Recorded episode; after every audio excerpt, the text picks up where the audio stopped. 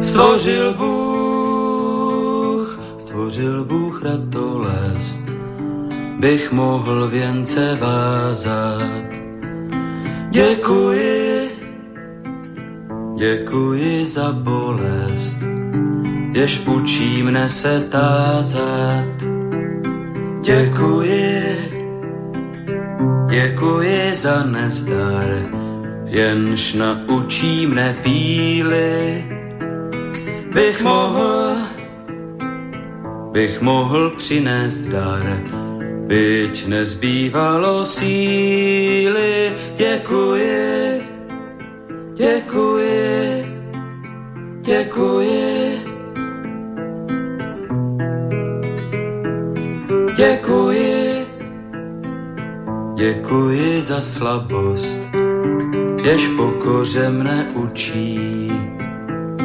Pokoře, pokoře pro radost, pokoře bez područí. Děkuji, za slzy děkuji, ty naučí mne citu, živým již, živým již žalují a křičí po soucitu děkuji, děkuji, děkuji. Dobrý večer, vážení posluchači. Stanislav Novotný zdraví srdečně z Prahy všechny Slováky a Čechy, kterým není lhostejný osud našich zemí, našich národů. Je zřejmě, že, že povaha a podoba euroatlantické civilizace se mění tak před očima a že se celý svět dostává do nového pohybu. Je také zřejmé, že tento pohyb má a bude mít značný vliv na kvalitu života jednoho každého z nás a na naše národní bytí uprostřed Evropy. O projevech těchto změn, o jejich důsledcích, o jejich fatálnosti, či naopak o možných reakcích a řešeních, tedy o jejich plusech a mínusech si povídáme v pořadu na Prahu změn.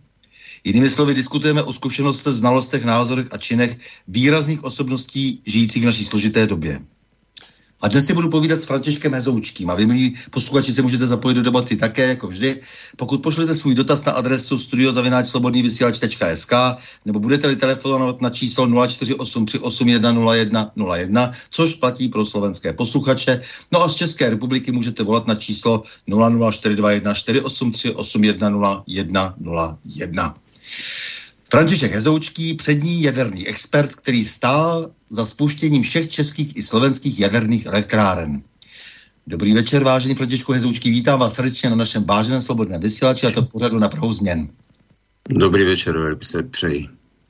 Pane docente, krátce k vám. Přestože vím, že nejste přítelem dlouhé vyprávění o sobě a nejraději byste okamžitě přišel k věci, zkuste pár objevných slov o svém životě, vzdělání, zkušenostech adresovat našemu ctěnému posluchači. Přeci jenom je to pro něho důležité vědět, že k němu nepromluvá aktivista z hnutí duha, ale člověk nad jiné znalý a tím pádem i s odpovídající autoritou. Eh, zkusím se teda tradičně zeptat, kdo nebo co vás inspiroval k celoživotnímu zájmu o mírové užití jaderné energie? Já jsem skončil energetiku na Českém vysokém učení technickém u profesora Maštovského, tepelně energetická zařízení. Pan profesor Maštovský nám věnoval spoustu přednášek na téma jaderné energetiky a tam mě natolik oslovila, že jsem si po škole vybral první své zaměstnání v Jasovských Bohunicích na Slovensku. No a tam jsem pracoval vlastně od, od těch kolíbek inženýrských. Jsem tam nastoupil jako mladý inženýr, jsem toho moc neuměl, kromě školních věcí. E, nastoupil jsem tam a pracoval jsem s kolegy v, v jaderné elektrárně nebo v atomových elektrárnách Jaslovské Bohunice, tak se to oficiálně jmenovalo, eh, respektive jmenuje a e, prožil jsem tam poměrně dost pro mě plodných 14,5 roku, než jsem přešel na elektrárnu do Kovany. No a e, tam v, ve spolupráci s kolegy Slováky jsme teda začínali tu československou jadernou energetiku, spouštěli potom V1 a tak dále. No, to, je zhruba takový, já nevím, co je, všechno by měl ještě posluchač vědět. Odešel no, že jste se... prošel vlastně všechny, všechno možné, co jste vlastně, dá se říct, od sklepa po půdu té jaderné elektrárny. Že jste vlastně opravdu byl od počátku u no. rozvoje atomové e, energie u nás a e, že tedy můžete velmi kvalifikovaně hovořit o tom, co všechno například československý a český průmysl v této oblasti umí. To každopádně bych se rád o tom zmínil, protože eh, v podstatě všechny ty naše jaderné elektrárny až po Temelín, to znamená A1, V1, V2, první dva bloky Mochovců byly pod eh, vedením a ve spolupráci Českého slovenského průmyslu. Eh, rovněž Dukovany, první elektrárna na eh, České republice, na Moravě teda, eh, čtyři bloky byly stavěny samozřejmě ve spolupráci i se slovenským průmyslem. Takže je to společná práce, není to jenom česká práce. No a Temelín, jak by smet. Eh, rád bych se zmínil o tom, že kromě v1, kde na Jaderném ostrově byly dodávky z, z, tehdy ze Sovětského svazu, tak zbytek elektrárny už byl dělaný v československé režii, Dukovany zcela, včetně teda Jaderného ostrova, byly vyrobeny e, zejména ve Škodovce, v současné době Škoda jaderné strojenství, ale Škodovka byla tehdy koncern a byla to velká silná fabrika, která uměla vyrobit všechno. No, eh, ty první dva bloky Temelína, protože další dva bloky se nezačaly ne, stavět vůbec, tak eh, ty jsou ve stejné režii dělány, akorát bohužel do toho trošku zasáhl ten eh, náš proces změny společenské, takže tam se hodně, hodně e, změnilo e, při těch společenských změnách e, v roce 89 a dál.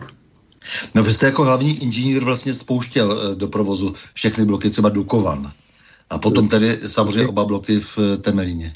No, já jsem přišel z Jaslovských bohnic už jaksi jako zralý inženýr už jsem se tam mnoho naučil spolu teda se slovenskými kolegy, protože, eh, jak jsem řekl, nebyl jsem z těch eh, starších, kteří tam už byli přede mnou a naučil jsem se hodně od dodavatelů. To teda musím říct, že díky dodavatelům, kteří byli otevření, zejména ti starší pracovníci, tak já jsem se dozvěděl spoustu detailů, které mi pak pomohly dělat ty další práce. Ano, na Dukovany jsem přešel jako vedoucí odboru reaktorové fyziky a provozních režimů. No a potom, když se přistoupilo už ke spouštění, tak jsem byl jmenován jako hlavní inženýr spouštění. Tam jsem vydržel ty čtyři bloky Rád bych k tomu řekl, že eh, čtyři bloky jsme tehdy spustili během tří let. Uh-huh. A to je taky ukázka našeho průmyslu, eh, našich dodavatelů. To není otázka jednoho člověka, to byly stovky a tisíce lidí, kteří byli vhodným způsobem řízeni a e, synchronizováni, aby ta, ten, spoje, ten úspěch se dostavil.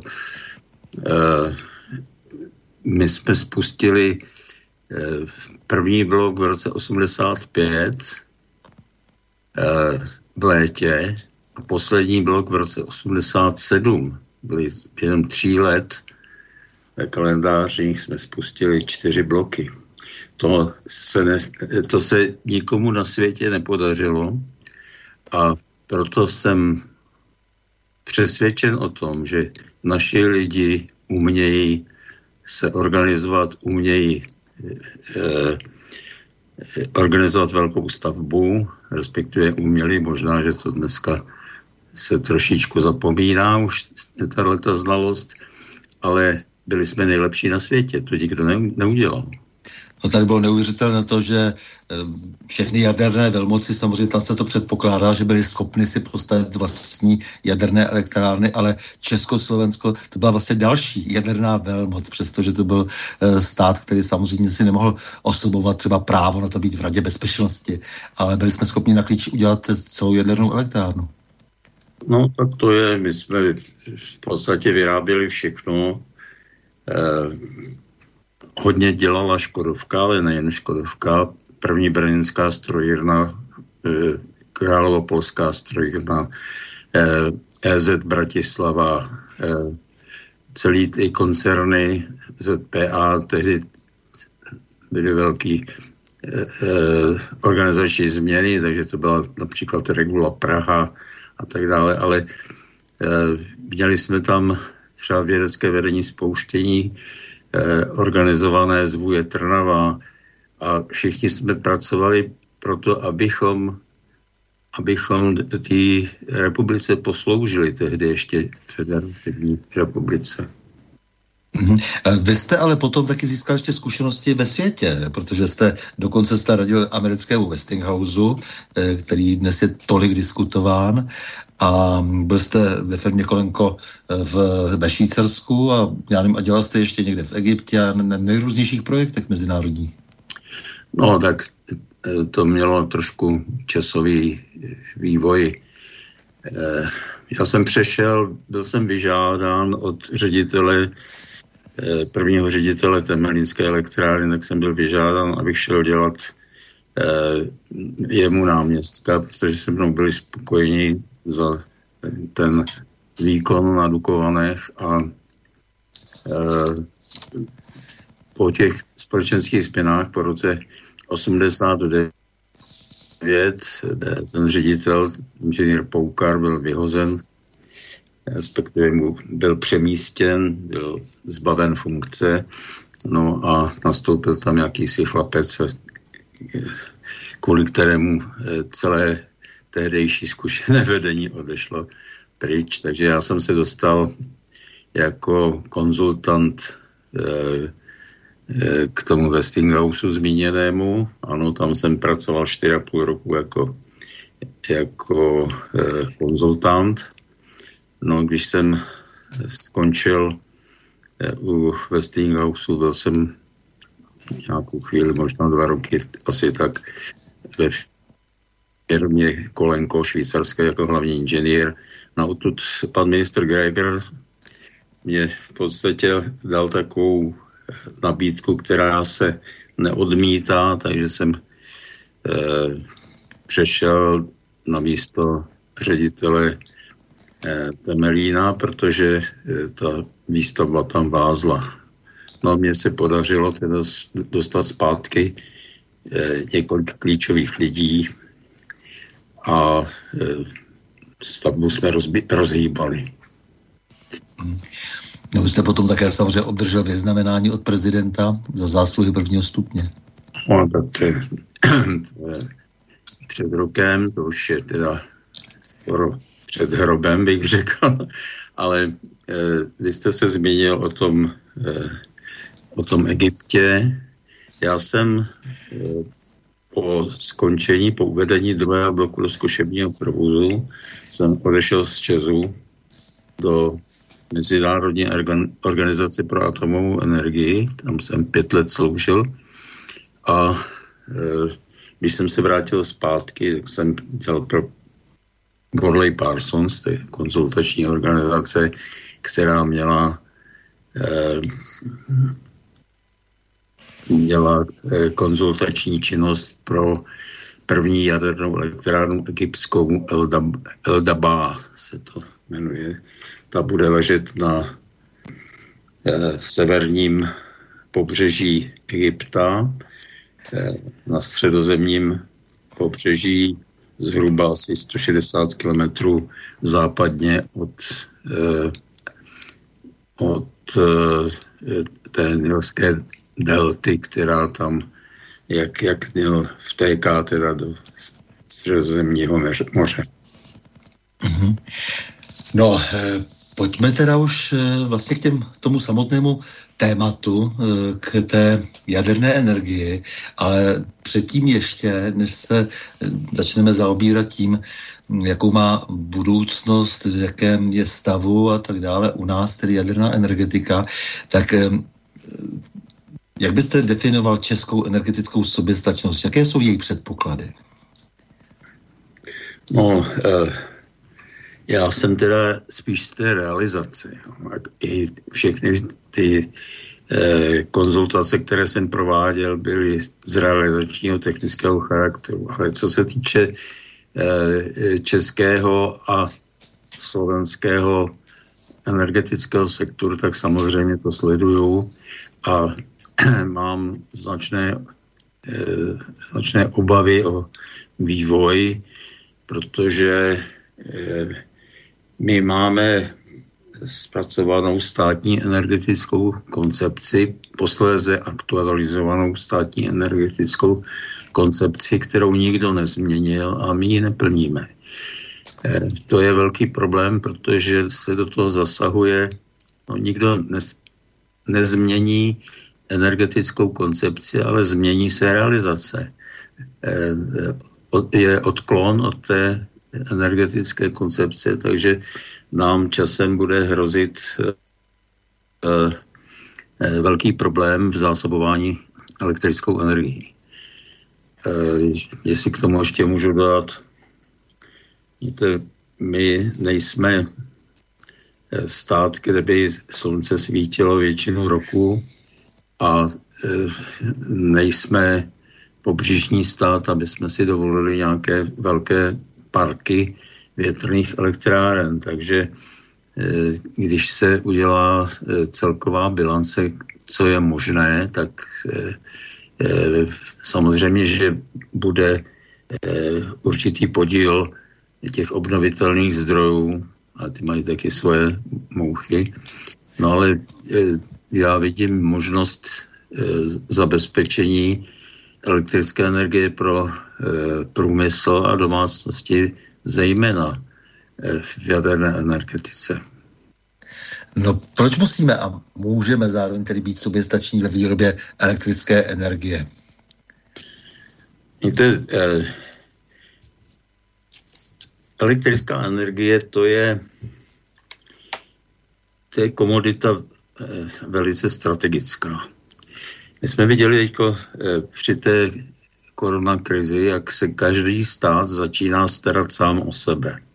I ty nejblíže si státy, které měly eh, být v rámci Evropské unie, tak se každý staral zejména sám o sebe, co do objednávek, těch vakcín vykrádali si vzájemně dodávky roušek a tak dále.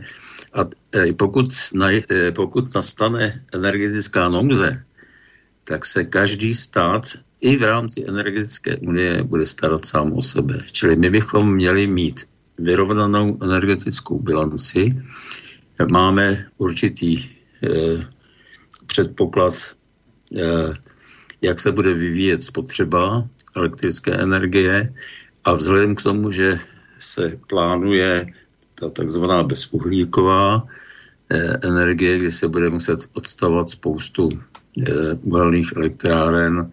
U nás to má být až 8 tisíc MW postupně tedy, tak eh, pokud je nenahradíme vhodným stabilním zdrojem, tak bude velká energetická nouze.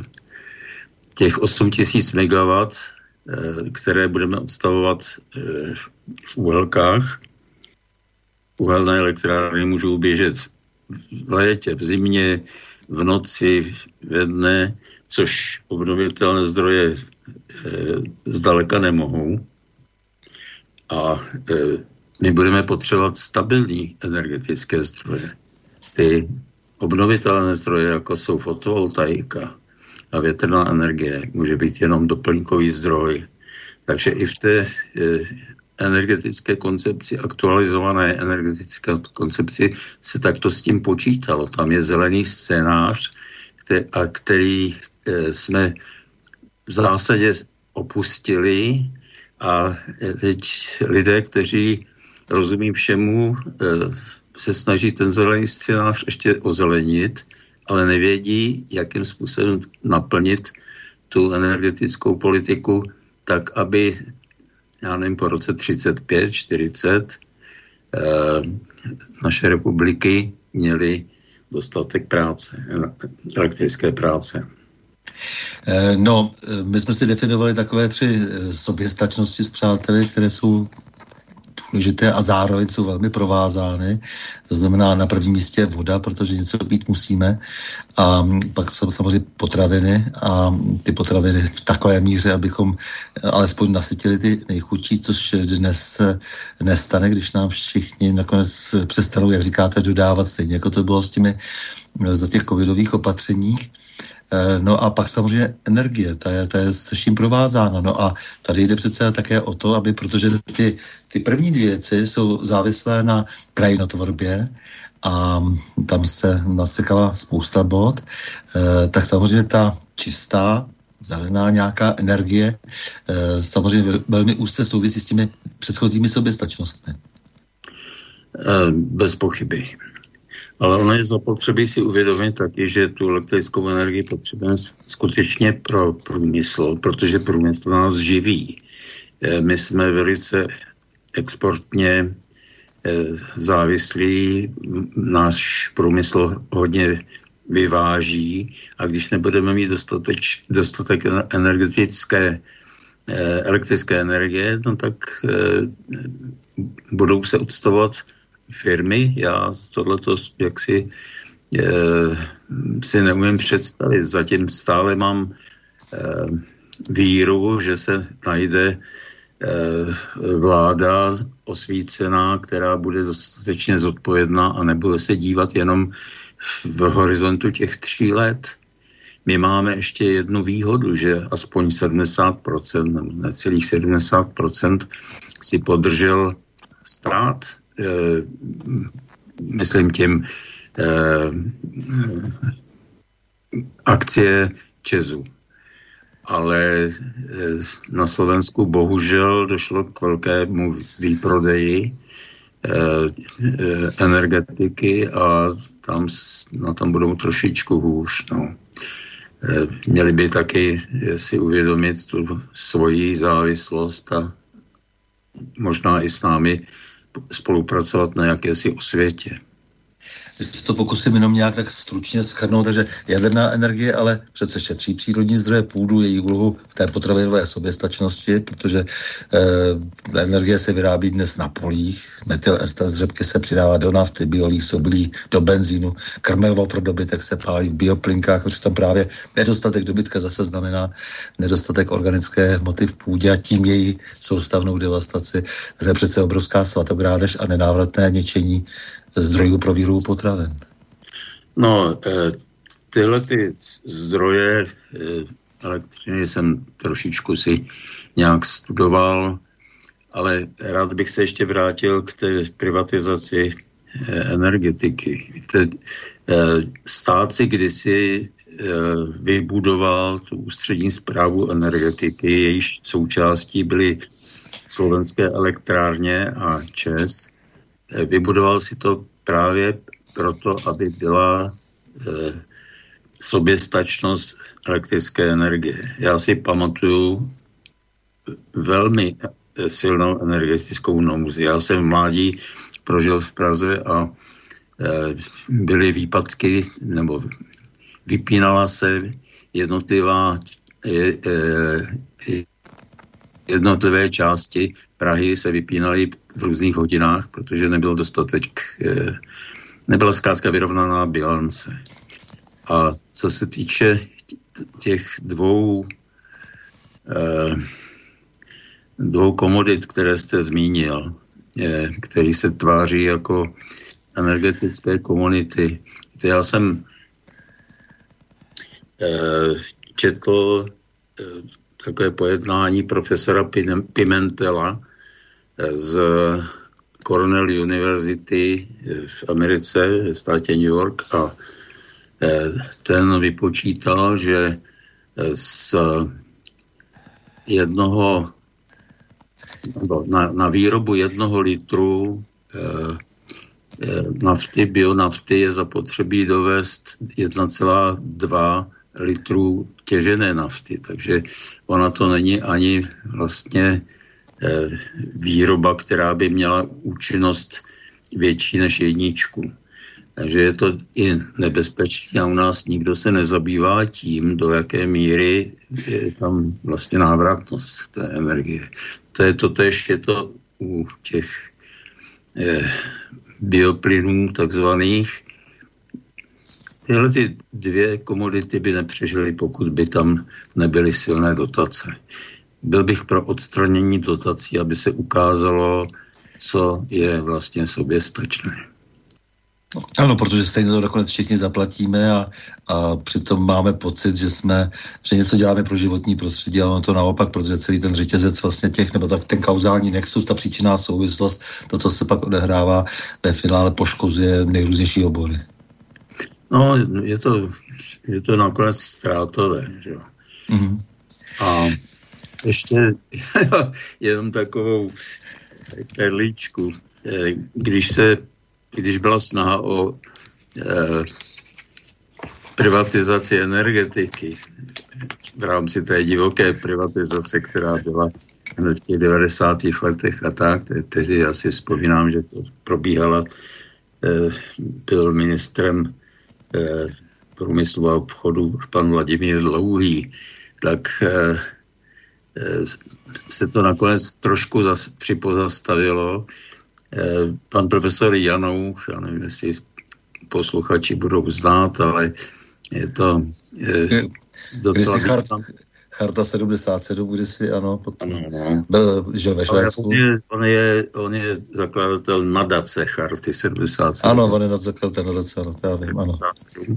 Ale je to občan, zejména občan je to. A eh, on napsal článek eh, velice takový jedovatý, proč neprivatizujeme československou armádu? Dětí hmm. potřebujeme zrovna tak jako energetiku a můžeme ji zprivatizovat. Že? Takže ta privatizace je divoká, skutečně se privatizovalo kde co, a vy jste zmínil vodu.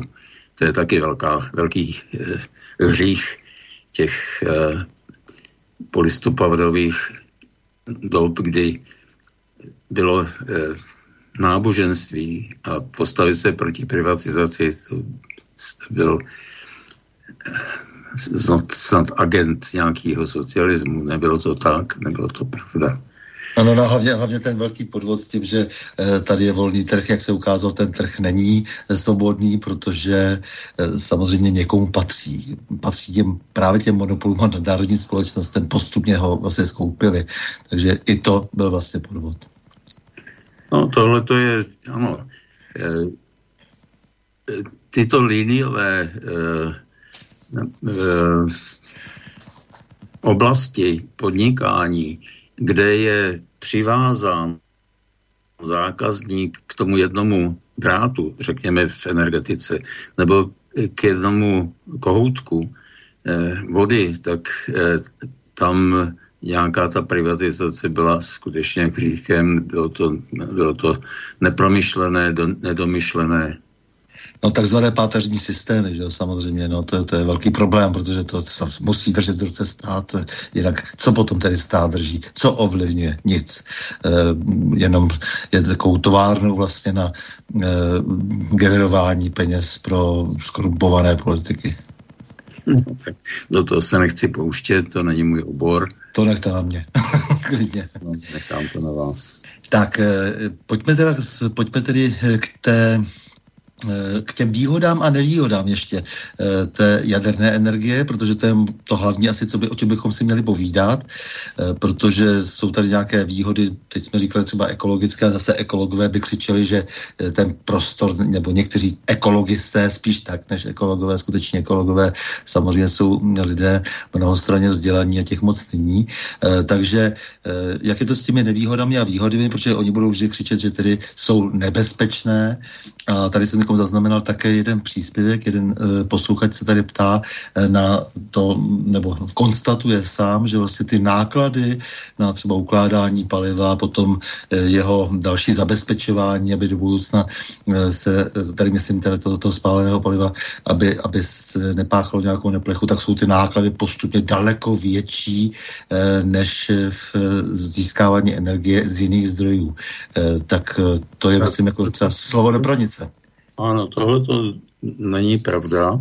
Ano. Eh, jaderná energetika má samozřejmě řadu nevýhod, nevýhod. Já nechci říkat, že má jenom výhody, to, to je nesmysl. Eh, je drahá, je drahá už při výstavbě a při eh, konstruování teda, protože má spoustu bezpečnostních prvků.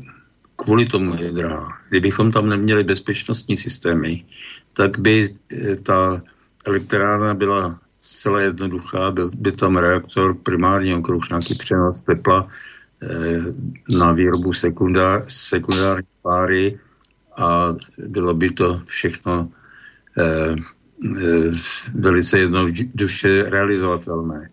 Ale máme tam spoustu bezpečnostních systémů, které snižují nebezpečí pro okolí, ale pro vlastní elektrárnu taky, pro vlastní zaměstnance na eh, minimum. Nechci se teď bavit o nějakých procentech 10 na minus 8, 10 na minus 7 eh, pravděpodobnosti, to je odborná debata, ale eh, postupem času se skutečně ta bezpečnost zejména výběrem typů těch jaderných elektráren a e, potom tou konstrukcí se dostala na velice dobrou bezpečnostní úroveň. E, posluchač má pravdu, že e, náklady na ukládání jsou rovněž vysoké.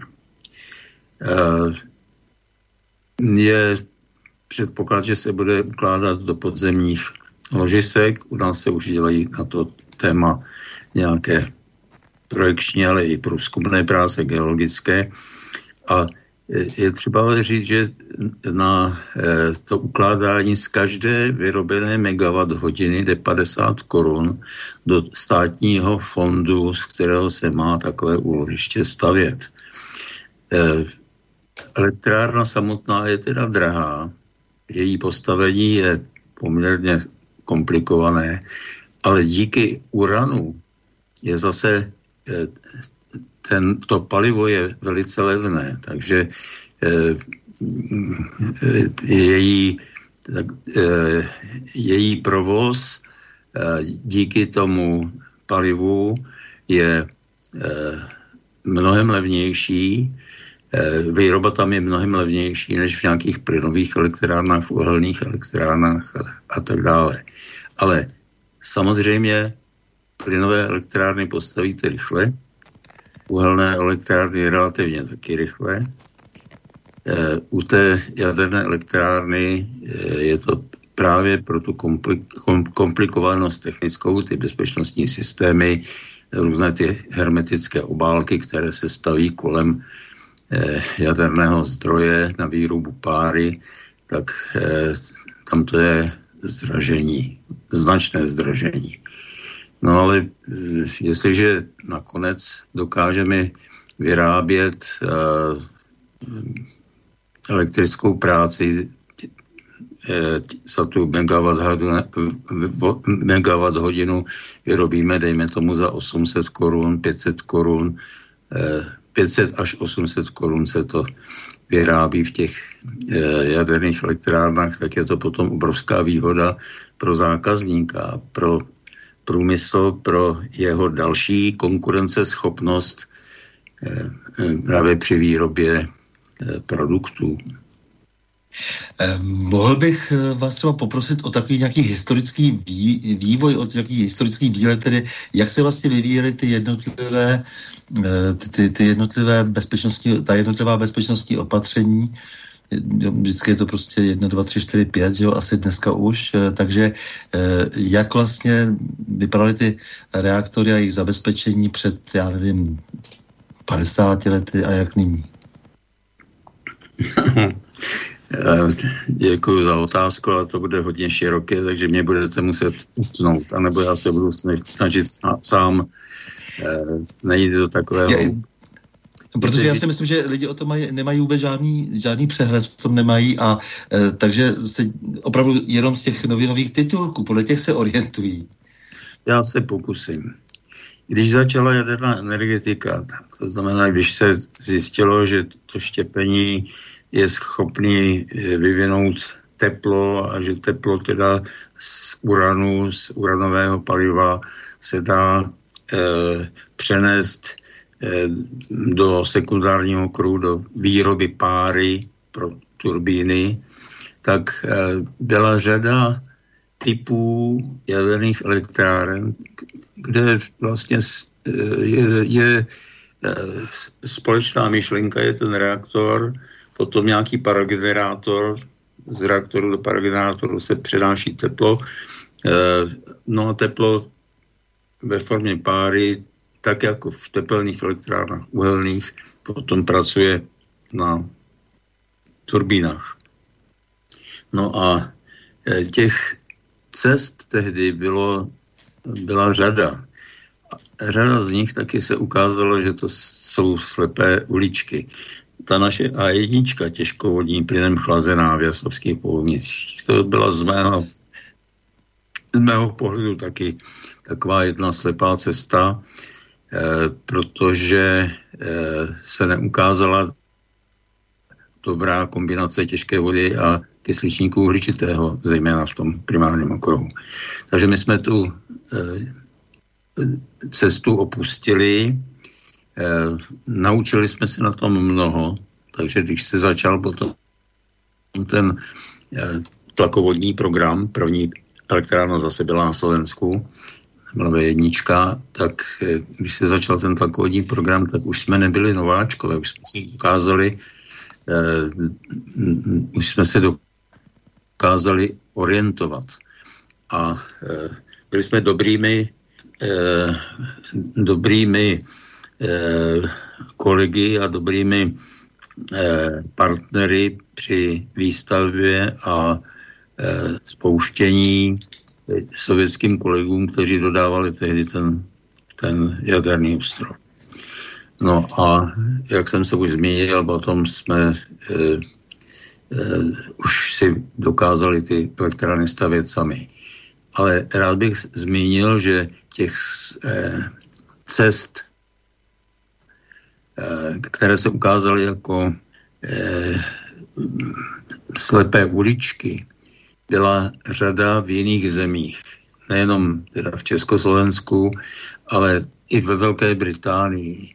Eh, ve Spojených státech jsme eh, mohli vidět několik různých typů. Eh, Francie rovněž vyvíjela a odstavila některé typy. Taky všichni eh, skončili eh, na těch tlakovodních typech, které se ukázaly jako velice, velice spolehlivé, protože voda a pára, vodní pára, to jsou inženýrské eh, inženýrská média. Zmínil jsem se o tom, že pro výrobu páry stačí jenom ten reaktor, parogenerátor, a potom ta turbína, to, co je už mimo eh, jaderné zařízení na výrobu páry, ale eh, eh, pak se přišlo s tím, že přece jenom to nemůže být na zelené louce, takže se eh, to zařízení musí dát do nějaké obálky, že tam musí být nějaké chlazení, které, když vypadne standardní elektrický proud a přestane cirkulovat chladící voda přes reaktor, tak musíme umět chladit reaktor s nějakým dalším náhradním způsobem. No a to se vždycky vypočítalo, jaká je tam nějaká pravděpodobnost selhání a když se zjistilo, že někde by tam byla pravděpodobnost selhání, tak se posilovaly bezpečnostní systémy, takže dneska ty eh, skutečně dobré eh, eh, projekty mají minimálně tři bez, eh, bezpečnostní systémy, pasivní a aktivní. Některé ty, ty projekty ještě nemají pasivní systémy chlazení, bohužel, ale eh, já jsem se asi dost do toho zamotal a já, já bych rád řekl, že jsem byl když to řeknu laicky, takhle zhruba se vyvinulo nějakých pět generací, se dá říct teď, reaktorů a no, zároveň s nimi bezpečnostní řekl, že ta naše eh, generace, kterou my dneska máme, je generace 2 a chceme jít do generace 3, 3+. Plus. Mm-hmm. To vy, co máte eh, na mysli, tu generaci 4, tak to je takové trošku, to je, to je eh, holub na střeše. Mm-hmm. To je tam asi šest typů eh, reaktorových zařízení. Každý z nich má svoje výhody, ale má také svoje nevýhody, takže vývoj toho systému bude trvat ještě, ještě dlouho. Tak já se ještě zkusím zeptat jinak, e, trošku laicky. E, jak by to, nebo e, kolikrát se třeba zvýšila bezpečnost těch jaderných elektráren od těch na počátku, které vy znáte tady u nás třeba, až po Temelín, anebo po ty projekty, které, o kterých se uvažuje, že možná se někdy povedou? No jestli vám něco řekne číslo, tak asi 10 tisíckrát. Mm-hmm. Jo, deset tisíckrát, to je, já nevím, z, z, z takového toho 10 na minus třetí, 10 na minus čtvrtou, dneska máme eh, 10 na minus sedmou, 10 na minus osmou, eh, pravděpodobnost, že by došlo k nějaké velké havárii. No to je důležité, protože tady existují nějaké staré jaderné elektrárny a bezpečně fungují. A dnes, když umíme desetitisíckrát vlastně zvýšit bezpečnost, eh, tak se proti tomu valí ta veliká vlna zelená, za kterou často stojí mafie akorát tak, protože dobré úmysly často dláždí cestu do pekla. Že? Takže nejprve na počátku samozřejmě byla správná úvaha, že je třeba se chovat ekologičtěji v energetice, ale nicméně eh, na konci si toho zmocní jako vždy zločin. Já jsem taky zelený. Já bych řekl, že eh, mám velké pochopení pro eh, chování se dobře k přírodě, záleží mi na ní, záleží mi na životním prostředí a, a proto právě bych šel cestou těch jaderných elektráren a, dobře provozovaných, bezpečně provozovaných jaderných elektráren. A samozřejmě, čím víc bude elektráren jaderných na světě, ale i v, třeba v naší republice, tak eh, tím citlivější bychom měli být k tomu, aby ty projekty byly skutečně dobré. Já jsem propagoval, eh, abychom si postavili sami elektrárnu podle Petrohradského projektu, tu jadernou část podle Petrohradského projektu a eh, zbytek, abychom si doprojektovali sami, to jsme uměli kdysi. No a že bychom si všechno teda tady vyrobili. Jo. To bohužel Eh, ne, nemělo dostatečnou podporu na mnoha místech. Eh, my jsme ztratili zhruba 10 let od vypsání toho prvního tendru eh, na Temelin 3-4.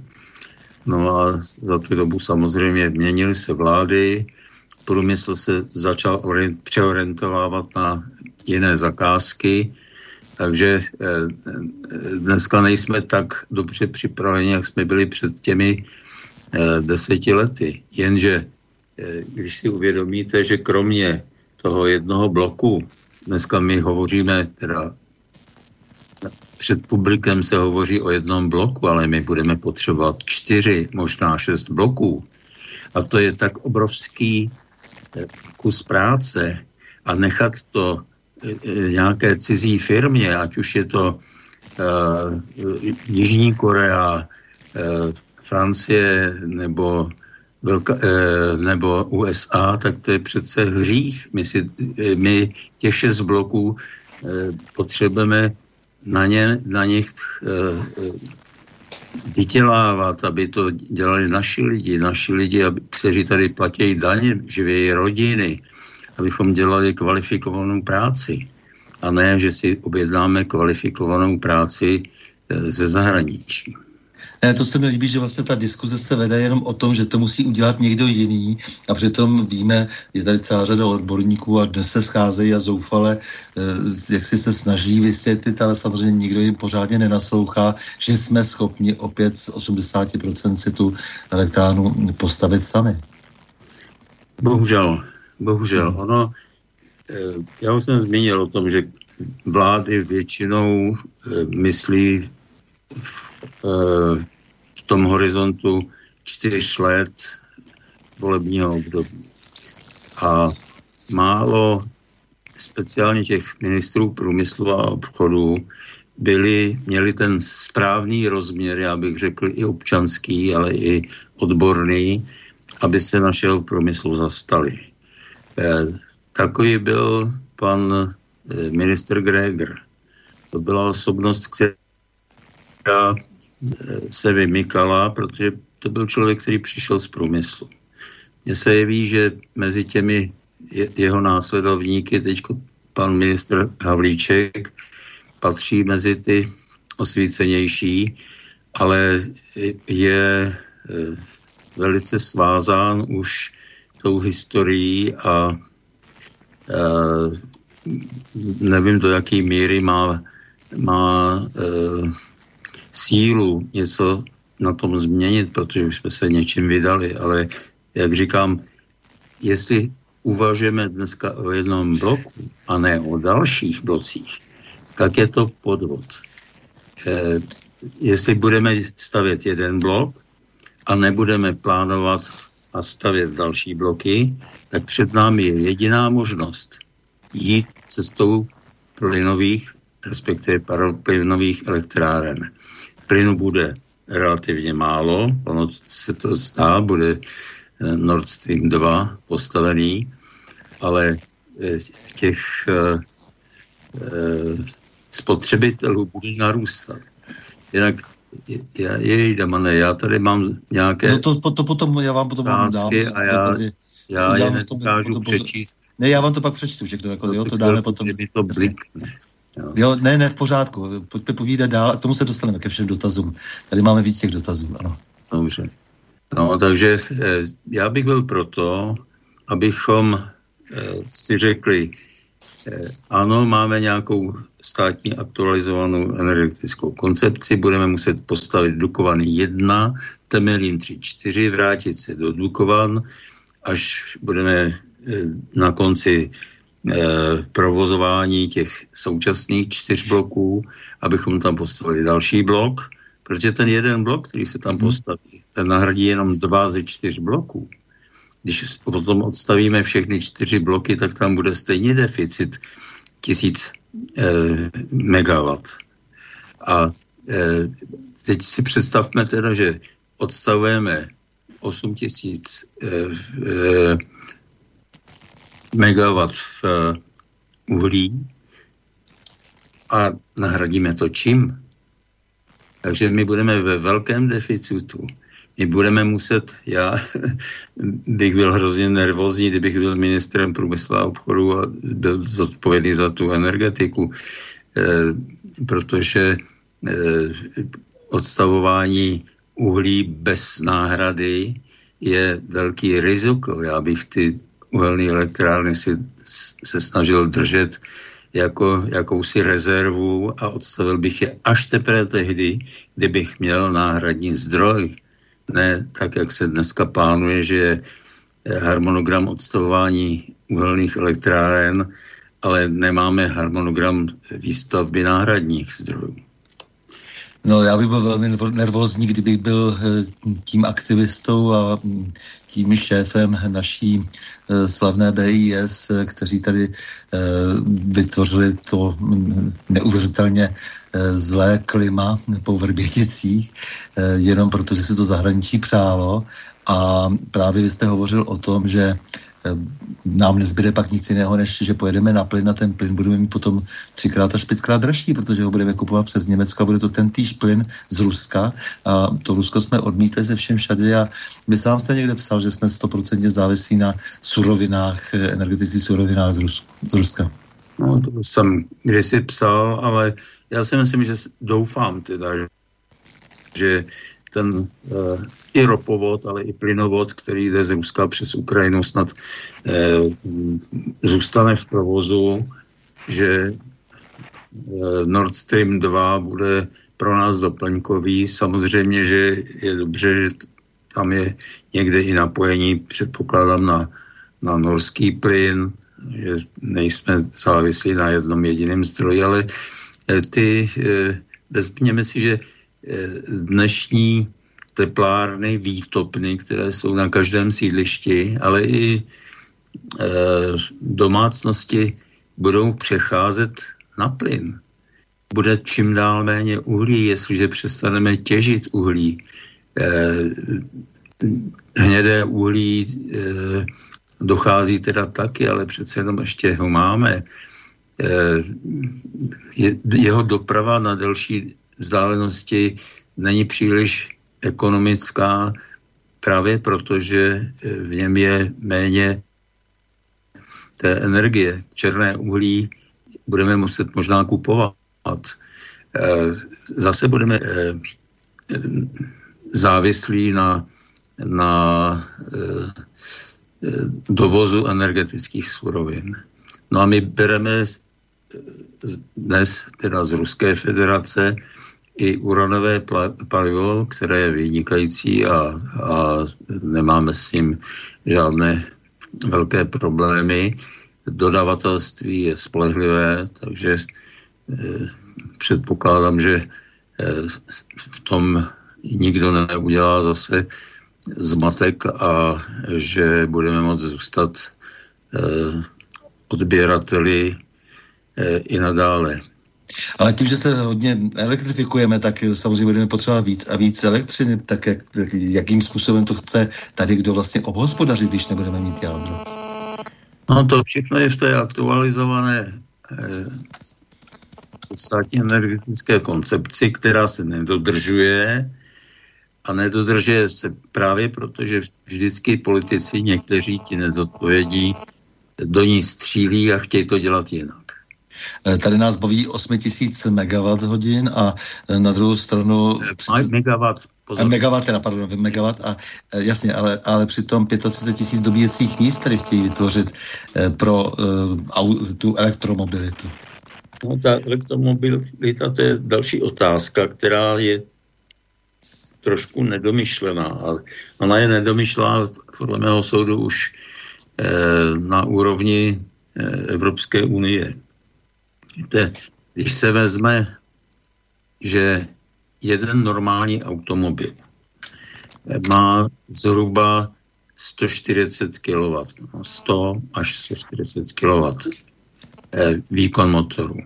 Takový výkon musí mít i ten elektrický motor, který bude mít elektromobil. No a když eh, to vynásobíte 10 tisíc, tak máte výkon jednoho bloku Temelína. Takže eh, chceme a 10 tisíc eh, automobilů, to není náš trh. Já nevím, kolik je automobilů v České republice, ale předpokládám, že, že hodně přes milion, možná že spíš dva miliony. Eh, některé rodiny, rodin máme, dejme tomu, eh, kolik máme rodin, je nás 10 milionů, no tak já nevím, ka, eh, děleno čtyřma, 2,5 milionu, každá rodina má dneska automobil, některé teda nula, některé dva, tak v průměru dva, tak máme, dejme tomu, 5 eh, milionů automobilů a eh, jak je budeme krmit.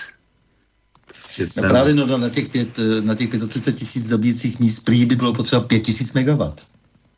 No tak 5 tisíc megawatt je pět dalších bloků temelínských. Jo, dneska tam máme dva, potřebovali jsme pět, a hovoříme dneska o jednom, který má na, o jednom bloku v Dukovanech, který má nahradit eh, odstavování těch uhelných elektráren.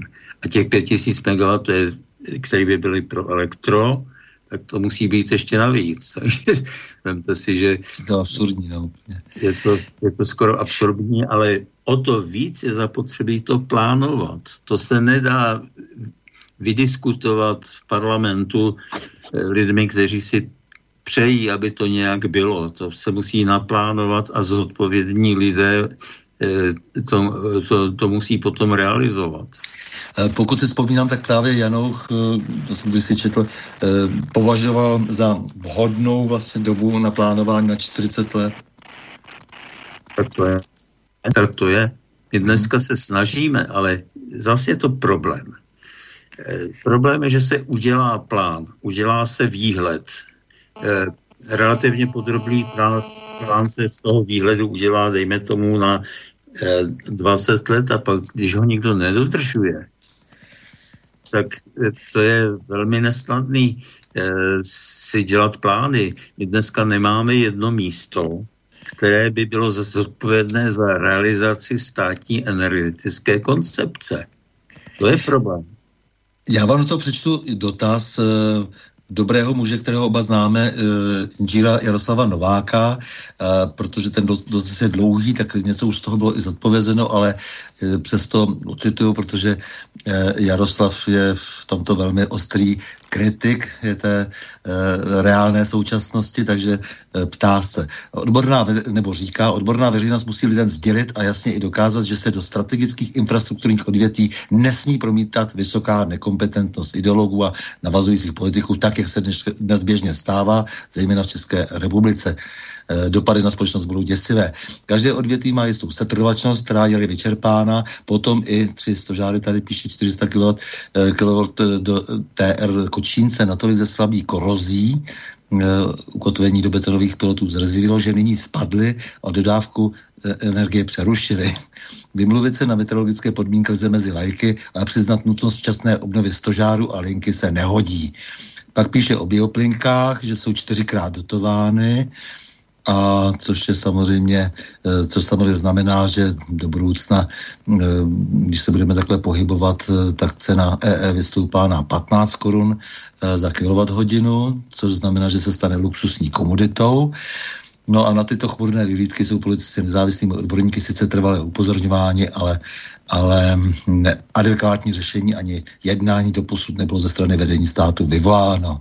A státní energetická koncepce, jak konstatujete, se neplní. No a nahradit OZE, to znamená obnovitelné zdroje, bioplynky jinými neemisními a nedotovanými zdroje možné a žádoucí, ale pro nepochopení politiků stojí odpov- svojí odpovědností se tak dodnes neděje.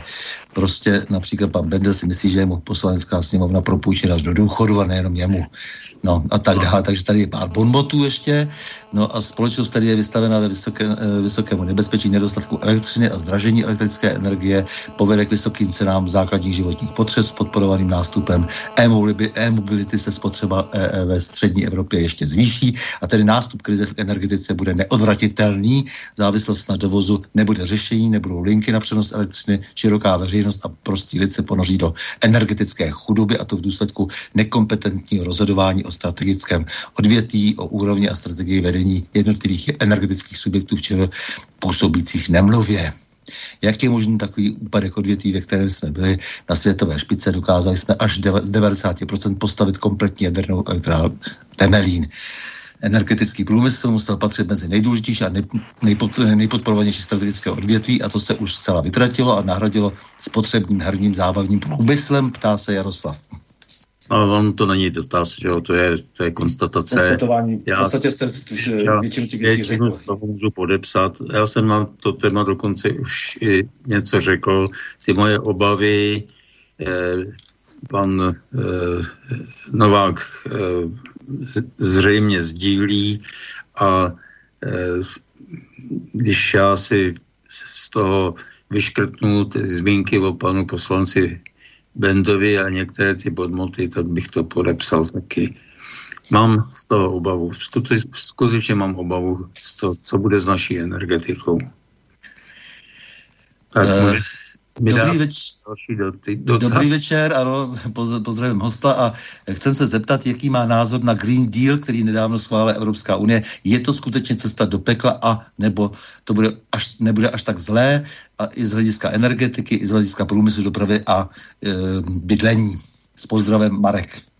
No, já si myslím, že ten Green Deal není domyšlený. Právě jsme se o tom trošičku bavili teď ve vztahu e, k těm Eh, elektromobilům. Eh, paní eh, předsedkyně, paní Ursula von der Leyen zavelela a teď my se snažíme splnit její přání. A ono bylo zapotřebí, aby v jejím okolí byl někdo dostatečně statečný a řekl jí, paní Ursulo, nedělejme to příkaz, příkazem, zkusme eh, si nechat udělat rozbor skutečných odborníků, protože my zničíme evropské hospodářství. Eh, co se týče dovozu, o kterém byla řeč, nebude odkud dovést. Všechny státy budou mít problém eh, s dodávkou pro vlastní průmysl a pro vlastní obyvatelstvo. Podívejte se, jak se drží té elektrárny Turov Poláci, protože vědí, a je to tam, já nevím, asi 8% z polského eh, z polské výroby elektrické energie a eh, musí to mít, protože těch 8% je skutečně klíčových. No, sdílím to v zásadě to, co napsal pan Novák. Eh, dobrý večer. Ještě před 20 lety jsem slyšel, že mm, běží výkup na znovu použití použitého jaderného paliva. Tuším, francouzi na tom pracovali, šlo tuším o nějaké fúzní reaktory. Eh, doufám, že jsem napsal správně. Víte o tom něco? Eh, s pozdravem Lubo. Uh, použité jaderné palivo z, z jaderných reaktorů se dá předpracovat. Eh, přepracovací závody jsou v některých e, zemích, jsou to zejména teda země, které vlastní jaderné bomby, e, velmoci teda jako Francie, Velká Británie, Rusko a takto přepracované palivo se dá znovu použít v reaktorech, ale i v tepelných reaktorech. To, co má posluchač na mysli, je zřejmě e, využití paliva v takzvaných rychlých reaktorech, kde se používá palivo, e, začátek je teda v palivu e, z přirozeného uranu, e, v, štěpením e, v, oblastech reflektorů, takové okrajové zóně, dochází ke zvýšení množství eh, štěpitelného paliva, s kterým lze zase počítat eh, uvnitř aktivní zóny těch rychlých reaktorů. To jsou reaktory, které nejsou po světě zcela zvládnuté. Nejlepší, nejlepší nebo největší e, e, reaktor v současné době je v Ruské federaci. E, na Uralu, to je záporožská elektrárna. No a dneska v tom hodně pokračují i Číňani. Tak zkusíme vzít ještě telefon, jestli, jestli nám vydržel posluchač. Aha. Ano, dobrý večer. Počujeme se? Ano, počujeme se. E, takto, ja by som sa chcel vyjadriť k tej elektromobilite. Ja som samozrejme veľmi silne proti elektromobilite, pretože sa mi to zdá veľký nezmysel. Ale čo sa týka toho výpočtu tej, tej spotreby elektromobilov, tam, je, tam, tam ste spravili omyl, lebo priemerný výkon elektromobilu je tak 15-20 kW. Čiže nie 100 až 150, čiže treba to videli približne 10 alebo 9. A čo sa týka samozrejme, že tie infraštruktúry a výroby elektrické energie, tak to, to je nemysliteľné, aby sa prišlo na elektromobilitu, pretože tie tie inštalované výkony proste by to nezvládli, ktoré sú jak v Čechách, tak aj na Slovensku. Takže jo, takto ďakujem, majte dobrou noc. No, ja, já vám děkuji. Děkuji vám za, za upozornění. Já jsem vycházel z toho, že eh, ten výkon těch zhruba 100 eh, kW má motor spalovací a že teda elektromobil by měl mít zhruba stejný výkon. Jo. Nevěděl jsem, že nějakých 15 kW stačí u elektromobilů, no musím se na to podívat. V takovém případě máte pravdu, že asi osmkrát eh, méně by bylo zapotřebí, takže by ten Temelín teda jeden blok ukrmil 10 tisíc, ale dejme tomu 80, 70, 80 tisíc elektromobilů. I tak je to málo v porovnání eh, s tím, co se chce, co se plánuje právě v Bruselu. Dobrý večer přejem. Eh, prosím vás, jak vidíte, nástup reaktoru, který pracuje na základě jaderné syntézy, myslím už konkrétně nasazení do praxe na výrobu elektrické energie. Ptá se Igor. No, eh, v současné době se staví eh, demonstrační zařízení v Kadaraš ve Francii a z hlediska nasazení do, do praxe jsem ale skeptik, protože za prvé, eh, my už máme problémy s chlazením eh, těch štěp, štěpných eh, štěpných procesů a syntéza jader je ještě mnohem větší energetická hustota. Eh, v té Kadaraši má se snad dosáhnout toho, aby tam byla trvalá výroba eh, tepla a má být u toho i turbínka, ale podle mého soudu je hodně, hodně daleko ještě do té realizační fáze, o které jste se zmínil, protože Eh, před 50 lety se říkalo, eh, budeme tady mít syntézu za 50 let a dneska říkáme, že potřebujeme ještě 30 let a eh, já mám obavu, že tam budou tak velké inženýrské problémy, které ještě budou vyžadovat další řešení. Nejenom ta samotná syntéza, já když jsem se zmínil třeba o té naší A1, tak tam se vyřešilo spousta pro tu, tu výrobu toho tepla, ale zapomnělo se na to, že taky existuje e, korozní e, e, záležitost, že, že ty materiály, které jsou používány, musí taky odolat korozi a to něco takového bude, dá se očekávat u té syntézy, u toho demonstračního zařízení. Mm-hmm. Vy jste si posteskl také nedávno, eh, že jednání o hm, jaderné energii, energetice u nás vůbec je, má ryze politický charakter, že se eh, nezhodnocují odborná hlediska, což jsme v podstatě už konstatovali v tom povídání. A šlo o to vyřazení Rusů a Číňanů z tendru na dostavbu Dukovan. No, Samozřejmě, protože za prvé Číňani a Rusové dneska staví nejvíc jaderných elektráren a umějí to.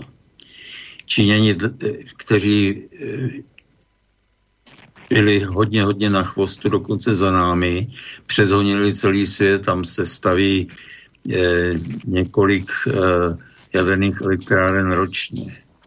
No a já, protože jsem si prostudovával všechny ty možné potenciální projekty, které by byly u nás realizovány, tak jsem si prostudoval eh, samozřejmě i Westinghouse, jsem znal i francouzský eh, projekt eh, toho EPR, z něhož by měl být odvozen ten, který budou nabízet francouzi je ten korejský. A zjistil jsem, že ten ruský projekt jaderného ostrova je nám nejbližší i z hlediska znalostí celého systému, i z hlediska bezpečnosti, bezpečnostních systémů. Mají výborné e, pasivní systémy chlazení. No a e, použití, a to, na to se nesmí zapomínat, my umíme bojovat proti korozi u těchto těch jaderných elektráren tohoto typu. Známe ty materiály, které tam jsou, známe pevnostní charakteristiky. A tohleto, když opustíme, tak my e, začneme, neříkám, že z nuly, ale začneme je, e, z jiného počátku, nemůžeme pokračovat v tom, co už dneska umíme. To byl takový pragmatický přístup, to absolutně nechci, nechci bandit. No, e, Víte, že se nechtělo, aby se eh, Rusové a Číňani vůbec zúčastnili eh, té soutěže ještě před Vrběticemi. Čili ty Vrbětice to potom přišlo, mně to připadá docela účelové, ale do toho zase tak nevidím. Eh, Zát se mi to může. Že jo? A můžu to i říct, doufám, že máme svobodu slova ještě u nás. No a e, jestli budeme stavět jiné bloky dneska a budeme jich stavět šest, předpokládám, že šest jich bude muset být a necháme si to stavět nějakou zahraniční firmou, ta nám musí líbat ruce, že jsme jí dali takový kšeft. Takže eh, kdybych byl tím ministrem eh, průmyslu, tak bych ještě zabojoval a snažil bych se ten náš eh, průmysl do toho velmi, velmi zaangažovat, aby aspoň těch 90% byla dodávka eh, i toho intelektuálního umu, nejenom výroba nějakého železa nebo drátů. Že? Ne, mně se ta koncepce velmi líbí a vím, že řada lidí ji prosazuje a právě protože je nejvěrohodnější, tak eh, vlastně se o nich vůbec nehovoří a eh, všichni ti politici skloňují neustále eh, ve všech pádech různé zahraniční firmy a je to zase taková ta, takové to české hrbení se, že v tom zahraničí ty, ty lidi to musí umět lépe. Že? A to, to se mi líbí, že vy jako si nechcete nechat líbit eh, a myslím, že bychom za to měli ještě zabojovat, že přece jenom může být tím základem česká práce, český intelekt a, a pak nech... Já bych do toho dal takováky, protože Jasně. Se, jsme si blízko a oni budou stát před podobnou volbou. Já jsem dokonce prosazoval to už před těmi deseti lety, když se vybíral eh, projekt pro Temelin 3.4. Přizvěme k tomu Slováky, aby se podíleli na výběru a aby budoucí bloky byly podobné, protože když si budou podobné, tak si budeme moct vzájemně pomáhat v tomhle tom. A e, samozřejmě, že na to nikdo nes, neslyší. Já jsem pořád ještě ten federalista, nebo no, moje druhá vlast je Slovensko. Já jsem tam odpracoval těch 14,5 roku a mám Slovensko rád, mám rád slovenštinu takže je to, je to líto, že něco takového není, ale tak nějak moji eh, spoluobčané bohužel tuhle tu vzájemnost nějak opouštějí. Eh, Slobodný vysílač má tu ambici právě eh, komunikovat mezi našimi republikami, abychom eh, se nerozešli, ale abychom měli zase zpátky k sobě blíž. To já velice oceňuji. Děkuji. Tak Právě jdeme ještě o, to, o, ty, o ty další argumenty, které jste nedávno e, v článku, který jste publikoval, snesl. E, vy jste hovořil například o dálkovém ovládání e, naší elektrárny, že tady byla jakási obava. Víte, to, to byly v těch dobách ještě před Vrběticemi, protože je třeba tenhle ten e, předěl zmínit, byla spousta úplně falešných a nesmyslných argumentů. Jeden z argumentů byl, že ten, ten kdo bude, bude dodávat uh, ten, kdo bude dodávat uh, uh, systém kontroly a řízení, může dálkově ovládat. Kdyby tam byla nějaká čínská náhodou čínské zařízení, že může dálkově nám vypnout ten, tu elektrárnu, to je totální nesmysl. Já zaprvé bojoval jsem celou dobu a stále se snažím přesvědčovat, ještě jestli to půjde, abychom si to stavili sami. My umíme dodat celý systém kontroly a řízení sami do toho bloku. A když to bude e, ze zatu příbrám, e, tak e, nikdo nám nebude nic ovládat, ale ono to ani nejde, protože ten systém je zcela oddělený od, od vnějšího prostředí prostředí. Ten dotyčný, který s tím na tím vyšel, vycházel z toho, že se e, u počítače, který je připojen k internetu, může e, zasahovat ze, ze strany nějakého serveru, ze vzdáleného pracoviště, tak to u té elektrárny vůbec není možný. Ale takovýhle nesmyslů technických tam bylo víc a říkali to lidi, kteří e, já, já je ani nepodezírám, že, že tomu nerozuměli, že to nevěděli. Já si myslím, že to bylo na schvál, že chtěli zkrátka to e, vyřazení a říkalo se o tom, že naše energetická bezpečnost nemůže být přece založena na e, zemích, který, já to zkrátím, nemáme rádi. Že?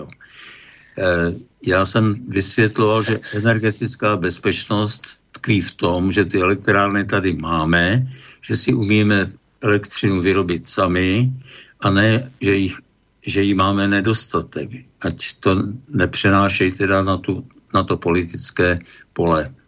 No, eh. Ale hlavně do posud eh, tady fungují elektrárny, které mají z Ruska palivo. To palivo sem dochází, to palivo funguje, nic se nestalo. Eh, tak proč najednou taková obava? No, když jste byl odpojen, jsem asi zmiňoval to, že máme v tom ruském dodavateli velice spolehlivého partnera a že i s tím palivem jsou dobré eh, zkušenosti. No, bohužel. Eh, teď se preferuje Westinghouse, americká firma, víme, eh, že má za sebou poměrně neblahou historii, zkrachovala a, a zdá se, že ani se není schopna opřít o e, talenty, o nějaké dobré odborné zázemí. E, jako co to všechno má znamenat, protože zároveň vím, že jste někde konstatoval, že e, měli nějaké problémy a odešli z nějakého projektu a já zase vím, že museli odejít z Číny a vím, že nejsou respektováni ani moc ve Spojených státech jak, tak proč najednou takový akcent na Westinghouse? No, dáváte mi otázky, které no, asi jasný. nesměřují zcela ke mně. Nicméně, já, já nechci škodit Westinghouse, protože jsem u nich pracoval 4,5 roku. A e, mám tam, nebo měl jsem z řadu přátel, oni už jsou možná v penzi taky, ale e, mají velice schopní lidi. E, v tom projektu Westinghouse kterou sám nikdy žádný, žádnou elektrárnu nepostavil. Vždycky udělal projekt a někdo jiný to stavěl. Eh, ano, Westinghouse odešel z Filipín, já jsem zmiňoval, ale zmiňoval jsem to z toho důvodu, že jeden z argumentů, který byl taky uváděn, je, že ten nest, nestabilní dodavatel, nebo to, ten dodavatel, kterého nemáme rádi, od, eh, od rozestavené elektrárny e, může odejít. A že co my s tím potom, když budeme mít e, rozestavenou elektrárnu. No tak v tom je, tkví taky půvab toho, e, že bychom si to dělali sami, že jo. Kdybychom koupili ten projekt Jaderného ostrova od Petrohradu a dělali si všechno ostatní sami, tak pak nemůže žádný zahraniční dodavatel odejít. No a tehdy, protože se hovořilo o tom, že by Číňani nebo Rusové mohli odejít, když to, u těch ostatních se to nepředpokládá, tak jsem se zmínil o tom, že nezjiný příklad, než tu filipínskou elektrárnu, z který odešli Westinghouseové kvůli jakýmsi eh, politickým hrádkám na, na Filipínách. Tam stojí torzo eh, té elektrárny dosud. Mně se velmi líbilo, že vy jste se komplexně zabýval těmi argumenty, které padají e, na té politické scéně a že jste třeba hovořil o e, nesmyslu, že není e, vymahatelné právo vůči třeba Ruské federaci, že je nespolehlivá Ruská federace a tak dále a že jste uváděl velmi pádné argumenty o různých arbitrážích a podvolení se těm arbitrážím. E, co jste všechno tím chtěl říct, jako že tedy vlastně i to Rusko je schopno e, dodržovat stanovená pravidla? No, e, za prvé těch, no, těch argumentů, které se ukázaly jako absolutně nesmyslné, ale které pak byly popouškovány, to pak jednotliví politici, kteří vůbec neměli páru, tak se to naučili a popouškovali to. Tak e, já jsem tam zmiňoval, že neznám elektrárnu, ze které by Rusové odešli. A e, že kdyby odešli, tak v zahraničí mají e, tolik svých komodit, že při arbitráži by o ně mohli přijít. No a já jsem eh, tu poslední, vy jste sám zmínil, že jsem pracoval pro egyptiany, jsem jim konzultoval právě proti Rusům a vím, že eh, egyptská elektrárna bude stavěna podle smlouvy Eh, která je dělaná podle anglického práva. A to, to se dá samozřejmě žádat kdekoliv na světě. Že? No těch, těch nesmyslů bylo spoustu a já, když jsem, eh, když jsem to slyšel, tak jsem se snažil na to reagovat, ale eh, když to nakonec skončilo argumentem nemám ráda rusáky, no tak to už jako je emocionální, to už není není argument technického charakteru. Já si dovedu ty argumentující představit, protože jak je člověk zná, tak ano. E, tady máme ale zase další telefon, takže nech, nebudeme nechávat čekat hmm. e, posluchače. Dobrý večer, se? Nepřečetl ty další. Já vám to přečtu, ano, ano, vlastně. Já. Teď má, máme telefon teď. Dobrý večer, slyšíme se? Ano, slyšíme ano. se. Ano. Já bych se chtěl zeptat uh, pana Hezelčího, jestli náhodou nezná nějakého inženýra večerku, který pracoval taky ve Westinghouse. Jako inženýr eh, měl údajně pracovat někde taky asi možná v technologii v konstrukci. A ještě bych se chtěl zeptat, jestli spíš by nemělo význam stavět, eh, dejme tomu, že reaktory o polovičním výkonu, než je ten jeden terawatt, aby to bylo jednodušší. To je vše, díky taky, na své. Eh, Jestli jsem rozuměl dobře, tak inženýra Večerku, je, je-li to jméno správný, neznám. Eh, co se týče polovičního výkonu, tak eh, na tohleto téma za, za tu otázku děkuju. Víte, Westinghouse eh, udělal eh, výkon, který je poloviční a Rusové zrovna tak udělali eh, poloviční, no zhruba poloviční, 600 MW elektrických. Ten 600 MW eh, ten menší blok, tak, takřka poloviční, teda no, víc, malinko víc než poloviční, vychází o 60% dráž na instalovaný kilowatt než ten velký. To je důvod, pro který se staví velké reaktory, velké bloky. Eh, to není kvůli tomu, že někdo chce velký blok, ale eh, když budete stavět dneska ten, ten blok 600 eh, MW, který by, dejme tomu, byl blízko těm dukovanským, tam je vlastně čtyřikrát po 500 MW, tak vás to vyjde 60%, o 60% dráž.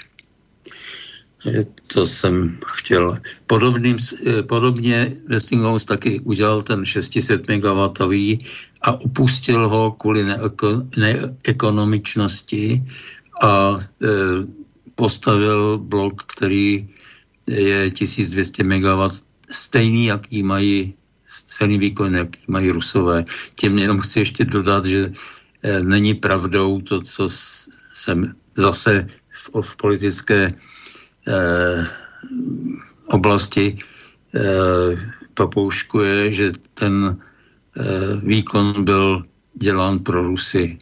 Eh, to se rozumí těch 1200 MW, který se eh, hodí v současné době pro Dukovaný 5, ale to je z důvodu toho, že řeka hlava nebo Jihlávka, jak my říkáme na Moravě, tak by nestačila na uchlazení většího výkonu, čili je to do 1200 MW a tomu vyhovují projekty to, ten ruský a americký.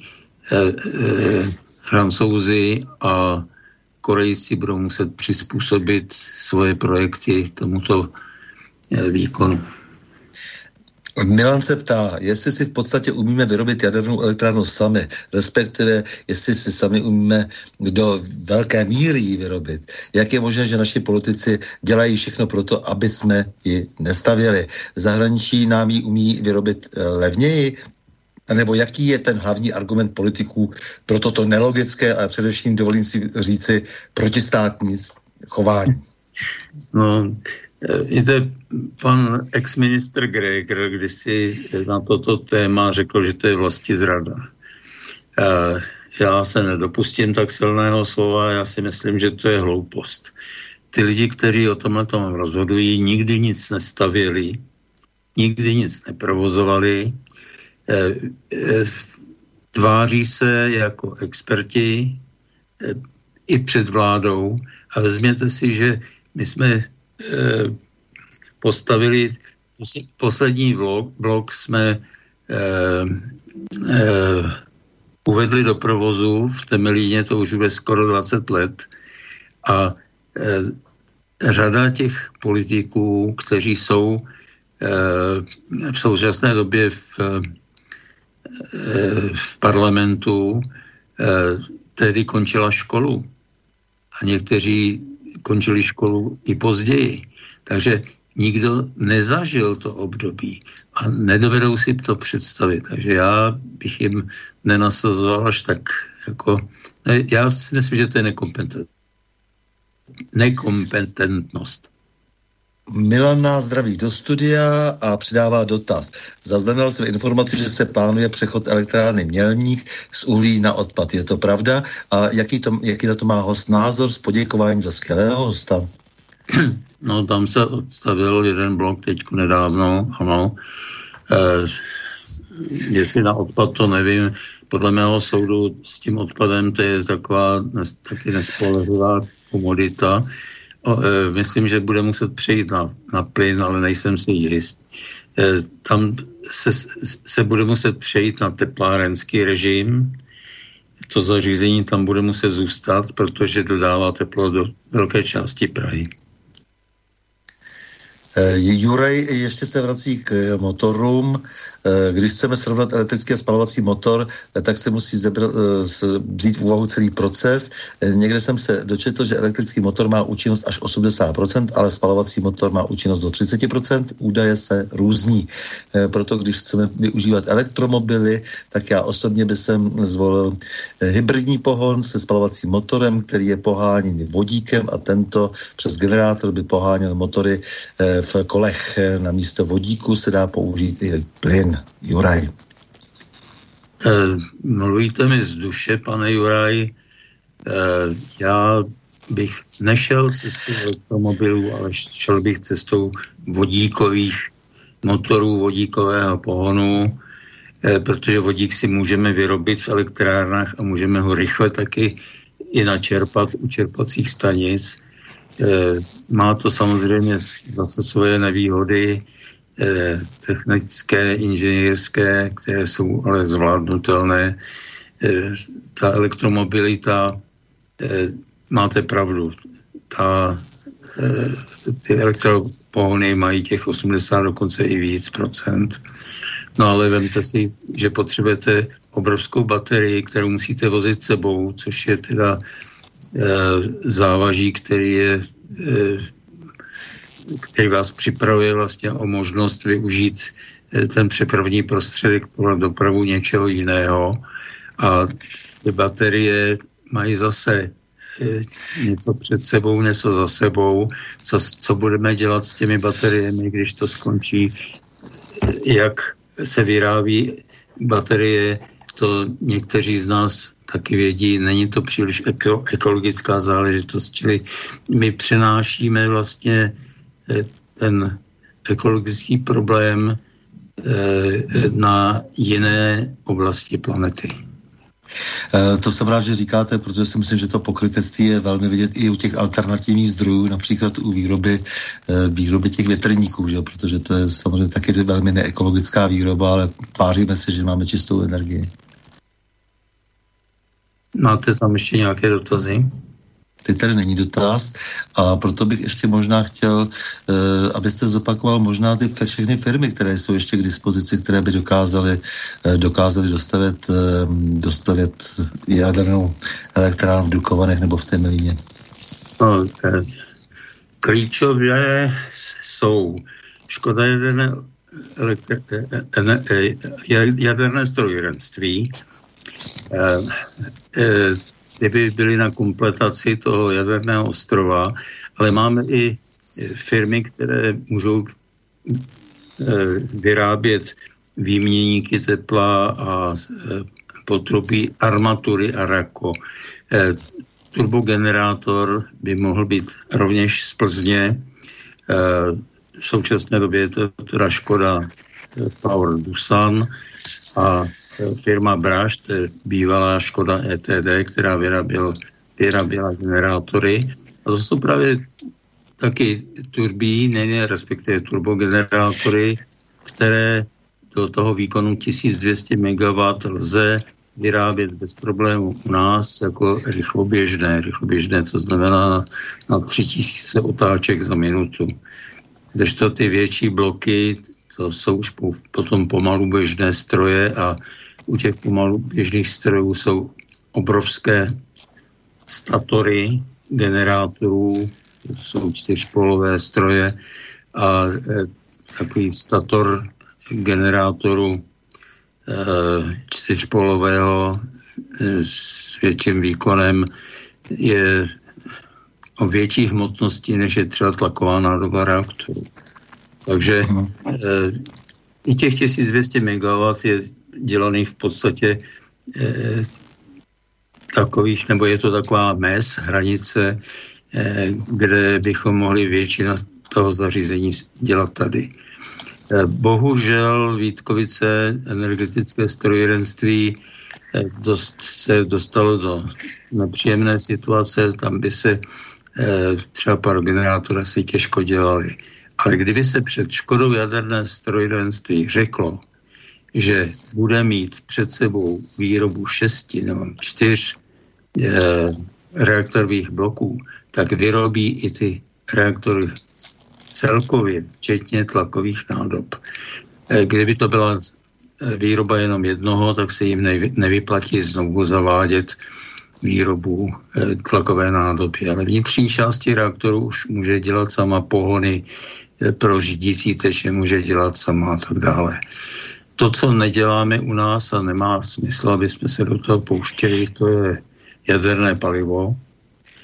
A e, jaderné palivo, e, pokud někdo si myslí, že by byl ruský dodavatel e, nespolehlivý, já si to teda nemyslím ze zkušenosti. No, ti, kteří to říkají, tak to říkají, protože to chtějí říkat. Já mám zkušenost, že je to spolehlivý partner obchodní a e, jednak máme na tři roky dopředu palivo v těch elektrárnách, ale jednak to palivo si můžeme objednat případně z Číny nebo z Francie. E, dneska palivo může dělat řada jiných firm. I Westinghouse konec konců dělal palivo na e, Temelín první zavážky a přišlo se zpátky na ruské palivo. Ještě jednou se ptá Juraj, že mu to nedá, říká a ptá se ještě na jednu věc, jaká je možnost výroby vodíku jako vedlejšího produktu při výrobě elektrické energie eh, z jaderného reaktoru. Ono se kdysi počítalo s tím, že u jaderných elektráren, které e, nemají příliš rády velké změny výkonu, tak že by v nočních dobách, kdy e, není tak velký odběr, že by se vyráběl právě vodík a, a nesnižoval by se výkon těch, těch bloků. Čili toho vodíku by se dalo vyrábět poměrně dost. Ale e, byla to myšlenka, která byla tehdy rozpracovávána e, v Ústavu jaderného výzkumu. E, pan František Pazdera tam v tomhle tom byl aktivní a, a myšlenka se mi líbila. Jde o to, aby výroba toho vodíku byla dělána na technologii, která bude dostatečně účinná. Mm-hmm. Já ještě, pokud ještě někdo bude mít nějaký dotaz, tak samozřejmě ho rád přečtu, ale možná v tom zbytku času, tedy v těch 20 minutách, jestli byste mohl zkusit popsat, co se všechno musí stát, má se postavit jaderná elektrárna. Jakých vlastně procesů je potřeba, které jsou dále třeba technickými, technologickými možnostmi a eh, které jsou třeba i na vrub pravidlům, předpisům, spekulacím, i lidským šlandriánu a tak dále. No to je hodně široká otázka. Já se pokusím eh, pojmout eh, tu přípravu, eh, která je jako normální. Čili musí být záměr, musí být staveniště vybráno, to staveniště musí být nějakým způsobem proskoumáno, že vyhovuje. Máme na to zase normu, vyhlášku, podle které se vybírají staveniště. Musí být projekt. Ten projekt má několik fází.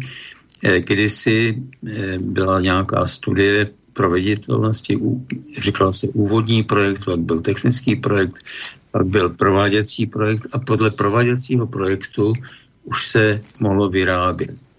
Projektant, který byl autorem prováděcího projektu, měl zapovinnost eh, všechno projednávat s dodavateli. Za eh, minulého režimu jsme tady měli vždycky dva dodavatele. Jeden byl dodavatel, generální dodavatele. Jeden byl generální dodavatel stavby, jeden byl generální dodavatel technologie a ti si dirigovali svoje finální dodavatele. Takže Škoda Praha, tehdy byl generální dodavatelem, eh, eh, měla eh, jako finální dodavatele firmy i strojního charakteru, i elektrocharakteru, i pro systém kontroly a řízení. Sama něco vyráběla, sama kompletovala a byla zodpovědná za, za celý ten řetězec kompletace. Eh, eh, byl investor, který byl zodpovědný za eh, vzájemnou koordinovanost toho stavaře a technologa. Čili musel dobře znát ten projekt. Každá stavba navíc měla ještě i autorský dozor. Když byl projekt hotový a takhle to bylo připravené, tak samozřejmě už v průběhu eh, toho detailního projektování se projednávala eh, projednávalo se povolovací řízení. Povolovací řízení i za minulého režimu bylo velice, velice komplexní, eh, protože se k tomu vyjadřovali nejenom úřad pro jadernou bezpečnost, ale všechny ty služby ostatní, které hlídali jak hygienu, požární bezpečnost, eh, eh, ovlivnění vodního hospodářství a tak dále. Čili se muselo počkat, až to všechno se dalo dohromady. Stavební povolení potom vydával stavební úřad. Ještě před stavebním úřadem samozřejmě to poslední nebo předposlední razítko tam bylo od toho státního úřadu pro jadernou bezpečnost a a pak už se mohlo vydat stavební polovení. Tehdy se mohlo kopnout do země. Od kopnutí do země do uh, spuštění toho bloku uh, to může trvat, já nevím, 7-8 let. Uh, stejně dlouhá doba je na ta obdoba projektování a povolování. Takže dneska, když se řekne, že bychom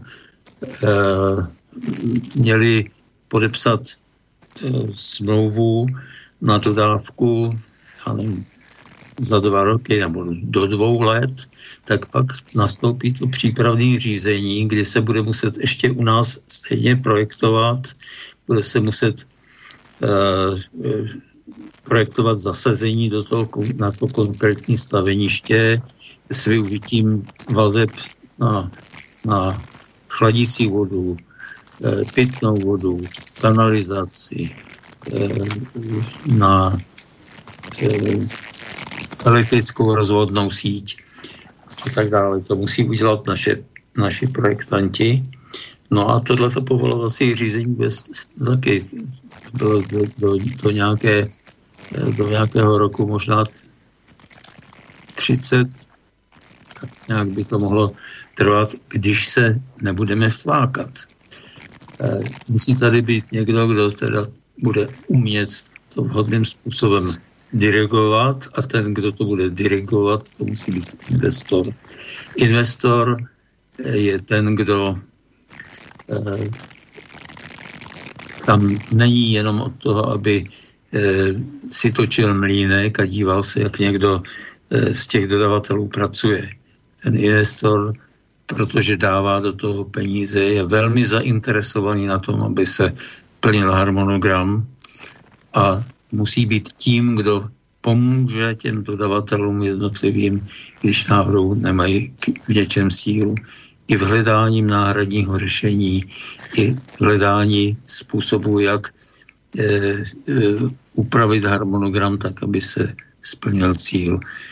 Problém je v tom, že ty peníze, které jsou, jsou vynakládány. Jedna věc je eh, cena, která, za kterou se uzavře eh, eh, ten kontrakt, ale pak začnete vydávat peníze v jednotlivých letech a ty peníze samozřejmě mají svoji cenu.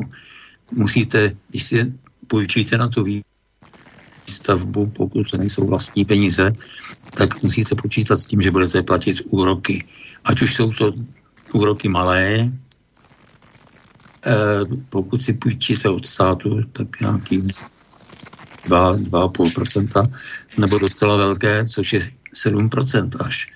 Takže eh, máme zájem na tom, aby to zařízení co nejdříve vydělávalo na sebe, aby se to zase splácelo, proto samotná realizace by měla být směřována k tomu, že to nebude trvat déle než 7-8 let.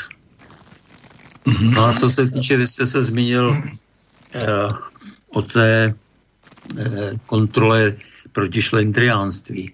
Zase, za prvé, eh, investor si musí vybrat kvalifikované firmy, které sami mají svoje eh, řízení jakosti a kontrolu jakosti protože by přišli jinak o jméno o zakázky, kdyby to neměli. Ale investor sám si to musí kontrolovat, musí si to umět kontrolovat, od toho je vycvičen. A e, pokud se stane nějaká ta e, záležitost, e, která by byla ne, ne zrovna žádoucí, tak musí umět si to zkontrolovat sám a udělat patřičné opatření. Bohužel, pokud přijde na něco, co je závažného charakteru, tak to může znamenat zdržení při výstavbě a pak ta cena peněz samozřejmě bude narůstat. E, to je i důvod, proč kvalifikované e, dodavatele zapotřebí, které známe, zejména ty kvalifikované, které známe. Ne vybírat si dodavatele, které neznáme. Mm-hmm. Milan se ptá, ještě jednou zdraví a hovoří se prý o lednovém, eh, lednové hrozbě blackoutu, že, za, že zachránil situaci výkon z jaderných elektrárn. Nepřidá, připadá mi to logické. Když jaderné nemají rády kolísání výkonu, tak bych záchranu očekával od jiných zdrojů. Eh, je, je to v tom lednu, jak to v tom lednu vlastně proběhlo? Je to tohle, to je otázka nikoliv na mě a všechno od, okolo tohoto nebo hrozby blackoutu znám eh, z vyprávění od jiných lidí, kteří tomu rozumějí víc. Ale co jsem se dozvěděl, tak eh, se to vyřešilo tím, že se eh, část Balkánu odpojila od zbytku eh, evropské energetické sítě, čili nebylo to eh, nebylo to tak, že jaderné elektrárny sami o sobě e, vypomohly to řešit. Mm-hmm. E, Milan se ptá, Juraj se ptá, co zbylo z jaderného programu Škodovky Plzeň a co Stelmáč? Hmm. E, Škoda jaderné strojírenství e, si ponechala Eh, určité kompetence dělá samozřejmě služby eh, při eh, kontrole zařízení, dělá údržbu, připravuje zařízení k překládkám a tak, vyrábí motory pro řízení, vyrábí například vnitřní části reaktoru pro francouze, pro Olklio toto dělalo teď pro Heineken to bude dělat a pro Eh, eh, britskou elektrárnu, jsem zapomněl jako jméno, eh, čili snaží se dělat, co se dá, vyrábí všelico skromně těch velkých výrobků, velkých výkovků, to jsou ty tlakové nádoby reaktorů. K tomu by se musela vrátit, jak jsem se potom zmiňoval, když bude mít Eh, vizi na to, že bude vyrábět tři a více eh, bloků, tak se jim vyplatí znovu zavést eh, výrobu tlakových nádob a těch velkých komponent. Samozřejmě, že výkovky by si musela objednávat jinde, ten, ten materiál, protože byl zničen v rámci privatizace Škody koncern byly zničeny hutě a kovárny škodovácké. No a co se týče ale eh, turboalternátoru, tak eh, ten sekundár by se dal celý skompletovat u nás. Eh, dokonce ta Škodovka, eh, Škoda Power Dusan eh, na sebe vyvzala kompletaci celé strojovny, čili nejenom turboalternátoru, No a škoda jaderné strojenství, to se cítí na to, že by dělala kompletaci eh, či takového jako generálního dodavatele toho jaderného ostrova. No, tam je problém v tom, že v rámci privatizace eh, se prodala Škodovka napřed nějakému kachu, kacha Bendukidze, to gruzínský nějaký Eh, šikovný chlapec, eh, koupil, s výhodou to prodal a prodal to nějaké ruské bance. Čili eh, škoda jaderné strojenství je dneska v ruských rukou a díval jsem se včera na otázky Václava Moravce a tam byl pan Wagenknecht a paní Langšádlová se zmínili, že když je to ruská fabrika, že by neměla dodávat pro Eh, naší jadernou elektrárnu. No tak to, to už je samozřejmě nonsens, protože tam pracují čeští eh, eh, pracovníci, inženýři, technici, eh, dělníci a eh, dodavat, eh, ten, ten majitel se může měnit, no a eh, ti ostatní lidi tam zůstávají. Když celá škoda koncern v meziválečném období byla ve francouzských rukou, že to byl Schneider Krezot a zůstala ta, ta, ta Škodovka pořád byla stejná. Tak máme tady telefon. Telefon, ano, prosím. Dobrý večer, tady ještě jednou poslanec Brna. Já bych se chtěl zeptat uh, pana Hezelčího, uh, jestli, co si myslí o tom, že by se uh, postavily ještě nějaké jaderné elektrárny, jedna třeba uh, někde ve, ve středních Čechách nebo v východních Čechách a druhá v Moravskoslezském kraji, jestli by to mělo uh, jako takové lepší význam, mají, co se týká uh, prostě strategického uh, vedení té energie po České republice, aby to prostě nezáleželo na, na Jižní Moravě a na Jižních Čechách. A ještě k té paní Jolan Křádlové, uh, no, problém je, že let Kunovice patří taky uh, ruské firmě, jo, a dělají tam čeští konstruktéři, čeští lidi. A navíc ještě je tady, funguje tady Sberbank, a vlastně v té bance mají peníze taky čeští lidi, takže asi co by s těma penězma potom bylo, kdyby najednou tady musela ta Sberbank skončit, jo? Takže co by s tím paní Laksandová dělala? To ještě díky za tím uh,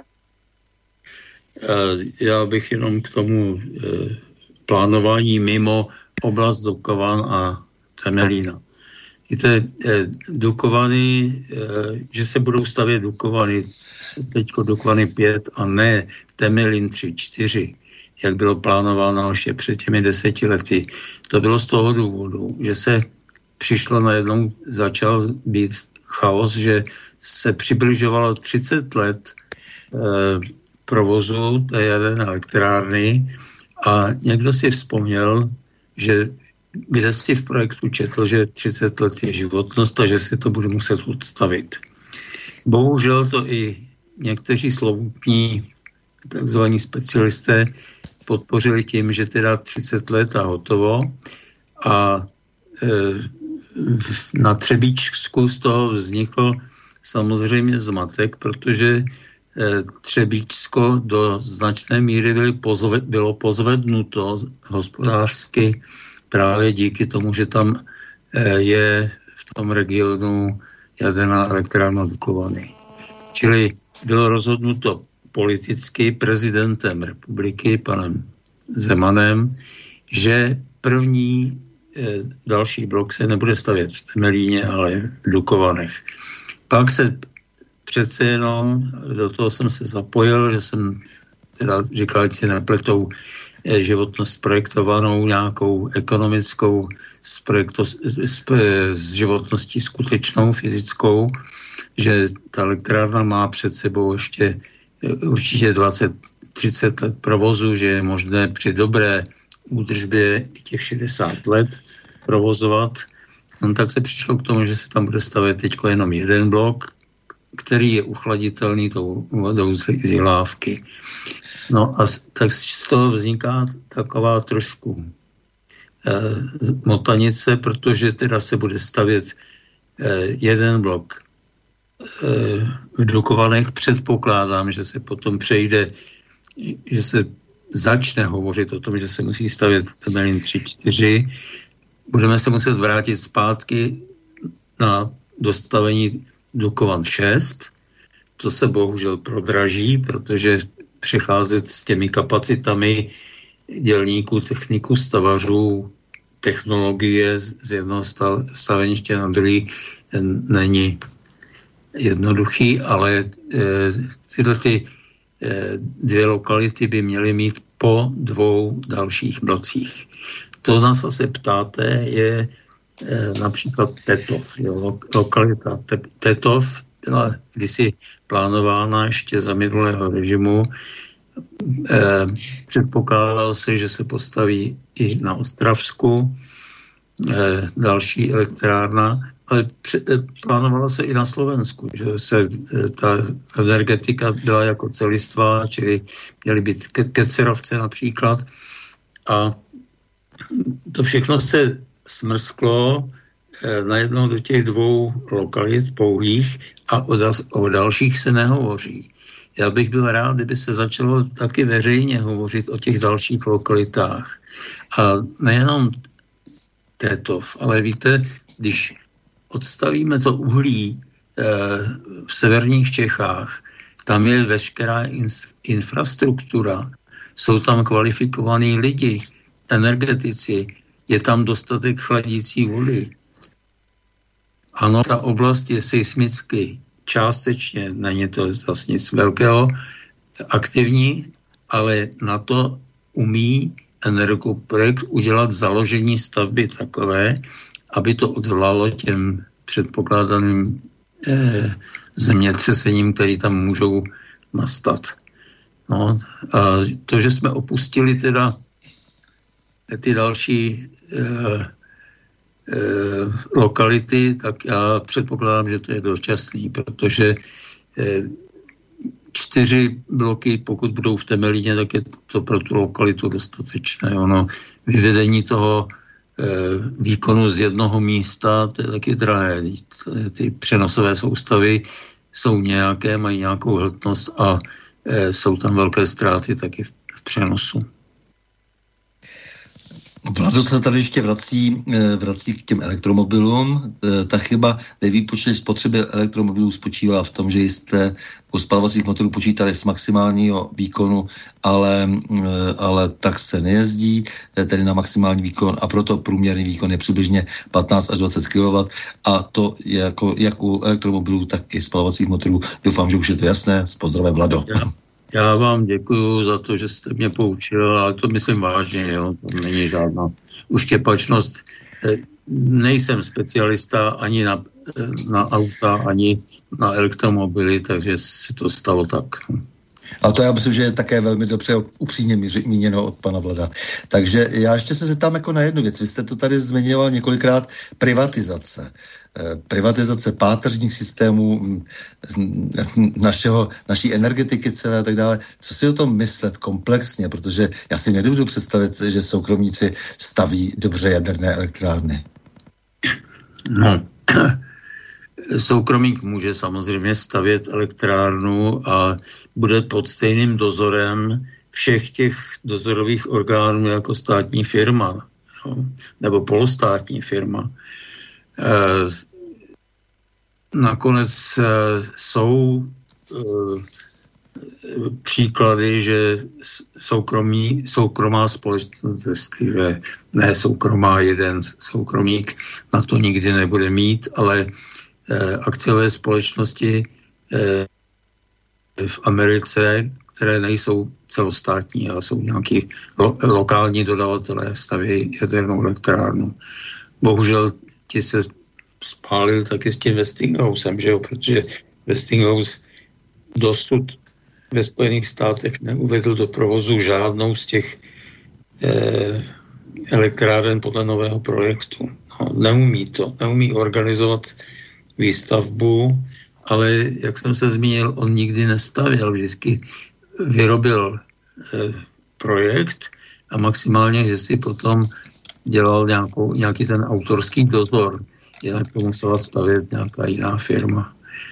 No a ty bloky AP1000, teda jediné bloky AP1000, které jsou dneska v provozu, tak byly postaveny v Číně No, protože to stavěli Číňani, že Zrovna tak jako ten EPR, první byl postaven v Číně, eh, protože to stavěli Číňani. Francouzi ještě EPR žádný ani u sebe doma, ani v tom Finsku nedali dohromady.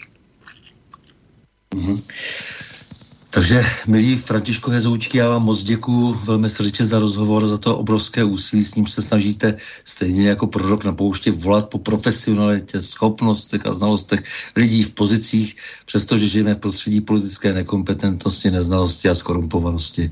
Moc vám ale děkuji za to, eh, co děláte. Věřím, že, eh, že, to, že slova nepadají do prázdna, že to úsilí bude nakonec eh, korunováno.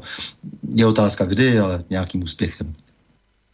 Já vám taky děkuji, děkuji posluchačům i za otázky, i za to, že jsem byl poučen. Teď už budu dávat pozor si na to a e, budu rozumět tomu, jak je to s tím výkonem spalovacího motoru e, maximálním a, a za provozu. Děkuji vám. S vámi, milí posluchači, se také loučím a to s přáním. Mějme se rádi, buďme svobodní, zpříjmení a nevěšme hlavu. Stojíme při svých bližních i národech. Nepřátel se nelekejme a na množství nehleďme. Pořadu na Prahu změn se uslyšíme opět za týden pondělí 30. srpna v obvyklých 20 hodin a 30 minut. Naslyšenou a do počutě.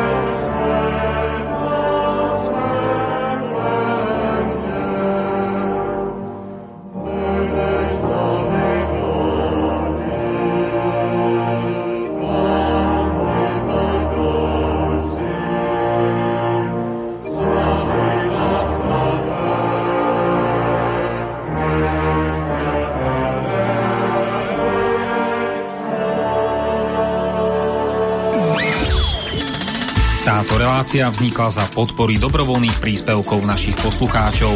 I ty sa k ním môžeš pridať. Viac informácií nájdeš na www.slobodnyvysielac.sk Ďakujeme.